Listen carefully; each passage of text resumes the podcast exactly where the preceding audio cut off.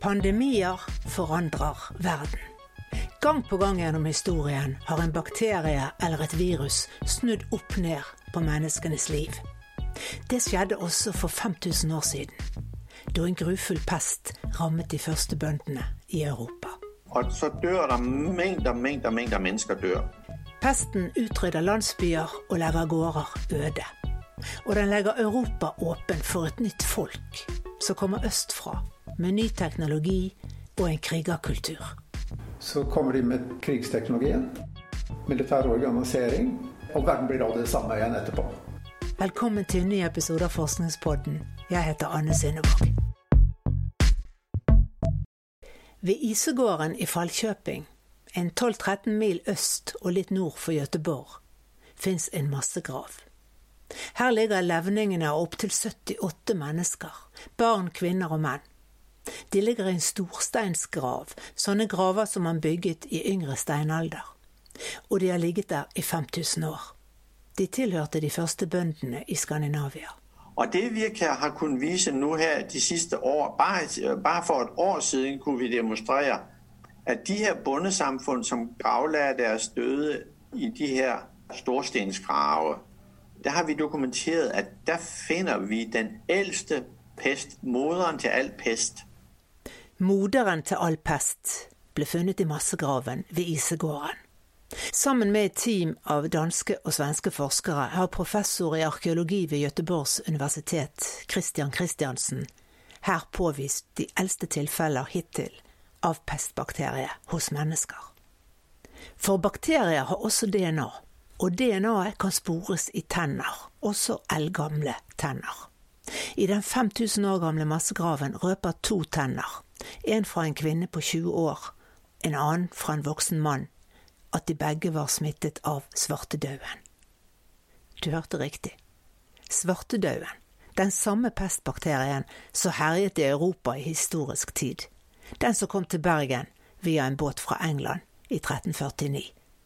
Det viser seg at den har vært her i 5000 år, minst.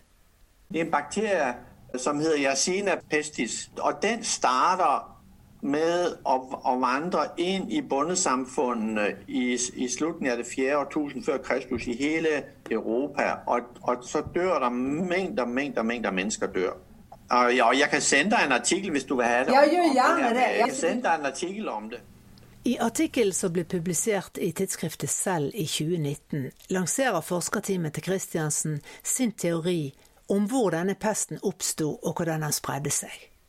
De har sammenholdt DNA-et til denne Yersinia pestis-bakterien, som er funnet rundt om i ulike graver i Europa og Asia, og brukt statistiske analyser for å beregne hvordan den har mutert og spredd seg. Vi har kalkulert at pesten starter omkring 3700 før Kristus. Og nå må vi forflytte oss fra Sverige til Øst-Europa.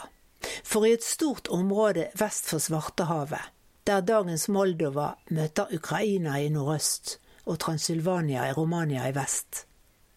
Her oppstår de største og tettest befolkede bosettingene vi vet om i yngre steinalder. Den største av de, Tripilja i Ukraina, kan ha hatt opptil 20 000 innbyggere, ja, noen mener opptil 40 000. De dyrket hvete, rug og bønner og holdt husdyr. Mest storfe, men også svin, sau og geit. De slo gresset med ljå der bladet var laget av flint, de pløyet marken med plog og malte korn til mel i hånddrevne kvernsteiner. Mennene drev fiske og jakt og laget redskaper av flint, bein og stein. Kvinnene dreide tallerkener, begere og krukker av leire. Krukker med vakre, spiralformede mønstre, i brunt og oransje, som står utstilt på Nasjonalmuseet i Moldova. De pyntet seg med armbånd og halsbånd av kobber. Og så er det funnet store mengder av små kvinnefigurer av leire i Tripilja. Arkeologene mener det må ha vært totemer, som menneskene i bondesteinalderen mente kunne hjelpe og beskytte dem. Andre har tolket kvinnestatuettene som et tegn på at kvinnene hadde en høy status i disse samfunnene. Men så kom pesten. Pesten går tilbake 5000 år, eller mer enn 5000 år. Og mange forskere mener, som Kristiansen, at det var her i Tripilja i Ukraina at pesten kunne oppstå.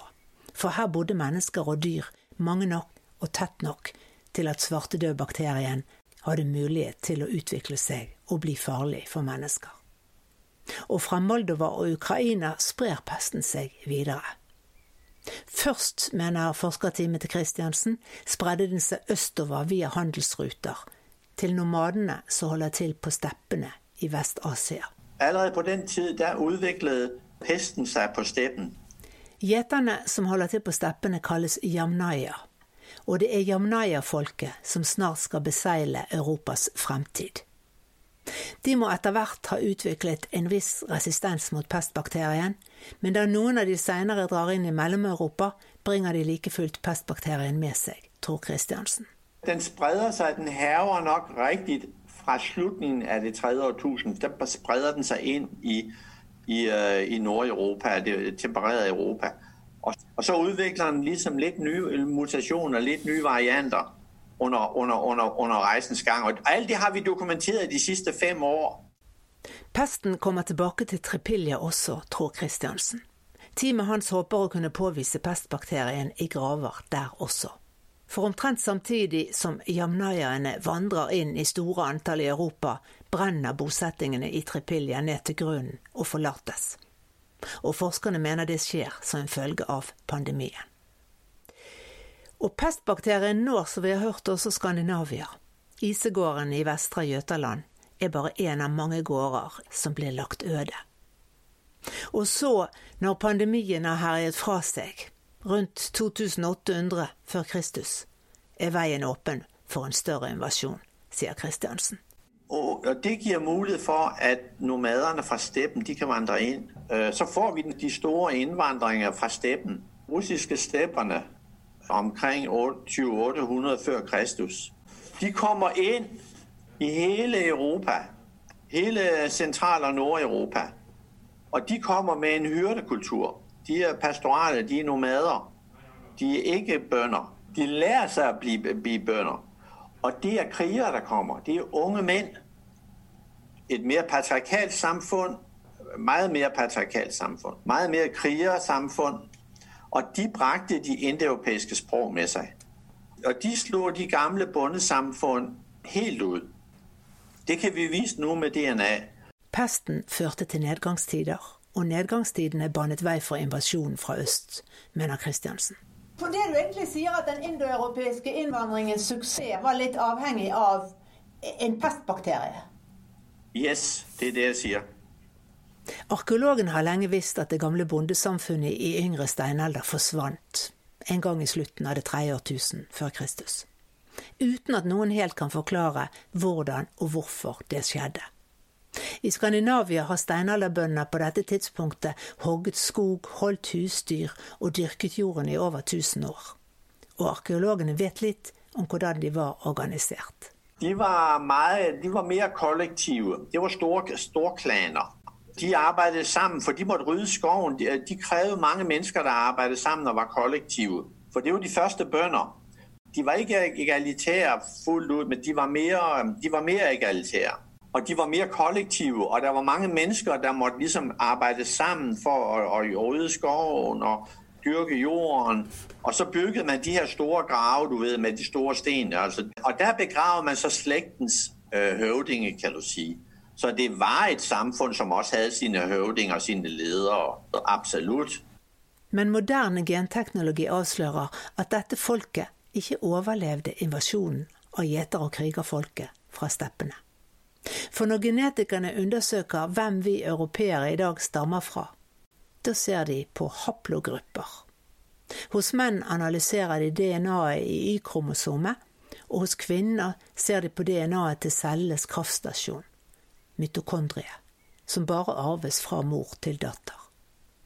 Og da oppdager de at dagens europeere har ulik stamtavle, avhengig av kjønn. Ja, altså Alle mændene forsvant, for de ble slått i hjel. Og så tok de kvinnene, fordi det var 80-90% menn der var innvandrere.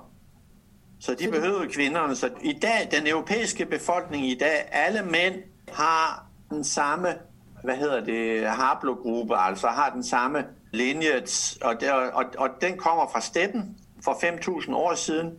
Det var liksom den dominerende linje for alle menn. Men kvinner i den moderne europeiske befolkning der bærer på haplogrupper som opprinnelig var fra bøndene. Men bøndernes mannslinjer er uddøde. De forsvant. Men hva var det som gjorde at inntrengerne lyktes så brutalt? Christopher Prescott er professor i arkeologi ved Universitetet i Oslo. Så kommer de med krigsteknologien, militær organisering. Men det, fremfor alt så det man knytter til dem, det er vognen og hesten.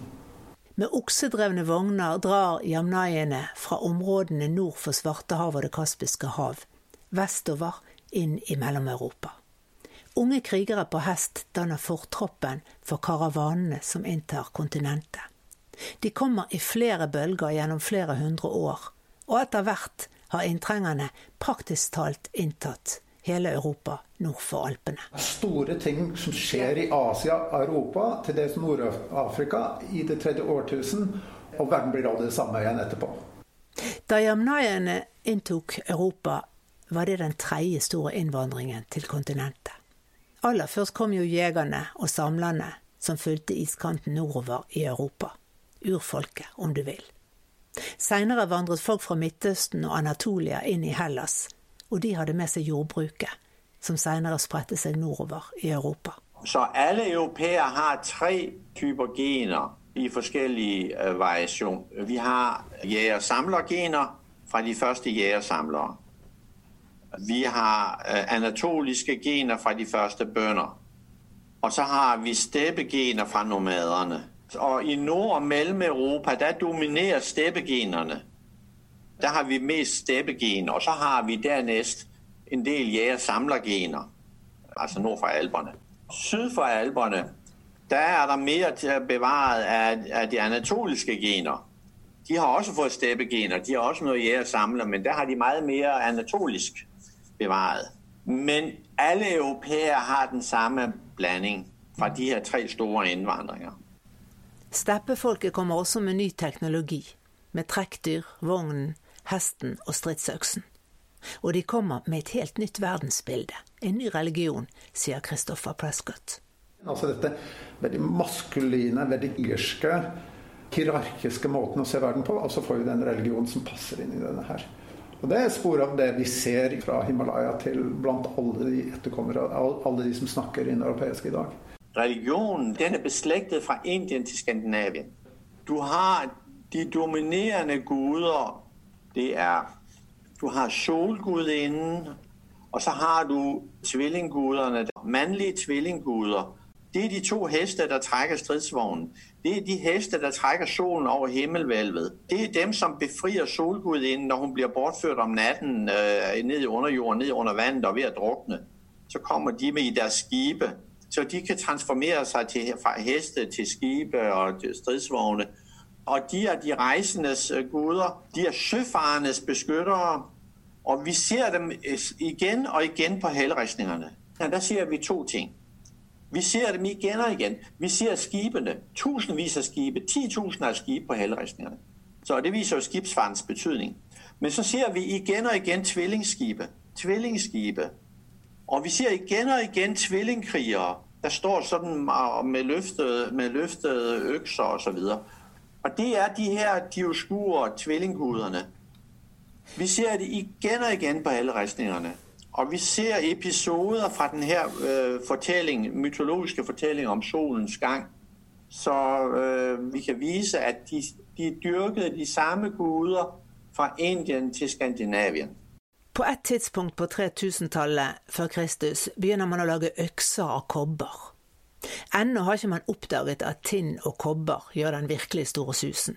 Men man har oppdaget at kobber blandet med arsen gir et hardere metall, og gjør våpen og redskaper mer funksjonelle. Europa knyttes nærmere sammen, og også Skandinavia ble innlemmet i den nye, store indoeuropeiske krigerkulturen, sier Christopher Prescott. Jeg har gravd på steder i Norge Mitt gjenstandsfunn som har akkurat samme datering av ting som vi finner i Alpene, eller vi finner på det iberske halvøy i Spania. Formene er helt like. Det kan være nåler for å holde drakter på plass. Det kan være etterligning av metallgjenstander, men det kan også være metallgjenstander. Det kan være våpen, pyntegjenstander. For å ta et eksempel. I, i Sveits så er det et svært gravfelt fra denne perioden. Og der har man pyntet på sånne store steiner med krigere på. De har sine våpen, altså relieffer med disse krigere. Og så har de et veldig vakkert sett med perler rundt halsen. De har laget av små skiver av skjell. Perlemor. Og vi, sånne perler finner vi i Sogn. I Sogn i, i Vest-Norge. Eller eh, du kan tenke deg en liten skive av bein som er pyntet, som vi har funnet. Den finner vi igjen i graver gjennom hele kontinentale Europa. Så det er akkurat samme tingene som vi har her. Og de dateres til samme sted. Så hvis jeg drar på en utstilling i Madrid så ser jeg akkurat samme gjenstandene som jeg har gravd frem i, i Norge. Det er spennende. Og det er helt nytt. Og det tyder ikke bare på at man har veksla ideer, men det er en intens samkvem på kryss og tvers av Europa. Av mennesker, av varer, av ideer. Det er egentlig ganske, egentlig ganske fantastisk, syns jeg. da. Når bronsealderen kommer, og jamnaiene har lært seg å blande kobber med tinn og smi enda bedre våpen, da drar de østover. Nå er det Asia som skal erobres. I det andre årtusen drar de østpå og går inn i Sentral-Asien og Indien og Pakistan. Og denne gangen snakker vi ikke om en innvandring som til Europa, men et erobringstokt, sier professor Kristiansen. Og Det er når vi er med i bronsealderen, og vi har stridsvogne og hester osv. Så, videre. så, så, så, der går de inn, og der, der inntar de altså Det er mer som conquest. du vet. De, de kommer og tar over som krigere og der er de mer et mindretall der tar over. Men de bringer sproget med seg, fordi, det, fordi de, de, de kommer til å styre. Sånn har det seg at mennesker snakker indoeuropeiske språk, fra Nepal og India i øst til Irland i vest. Hva som skjer i Europa når menneskene begynner å blande kobber med tinn, det forteller arkeologene mer om i neste episode, som skal handle om den utrolige bronsealderen. Forskningspodden ble laget med støtte fra Fritt Ord og forskning.no. Jeg heter Anne Synnevåg. Vi høres.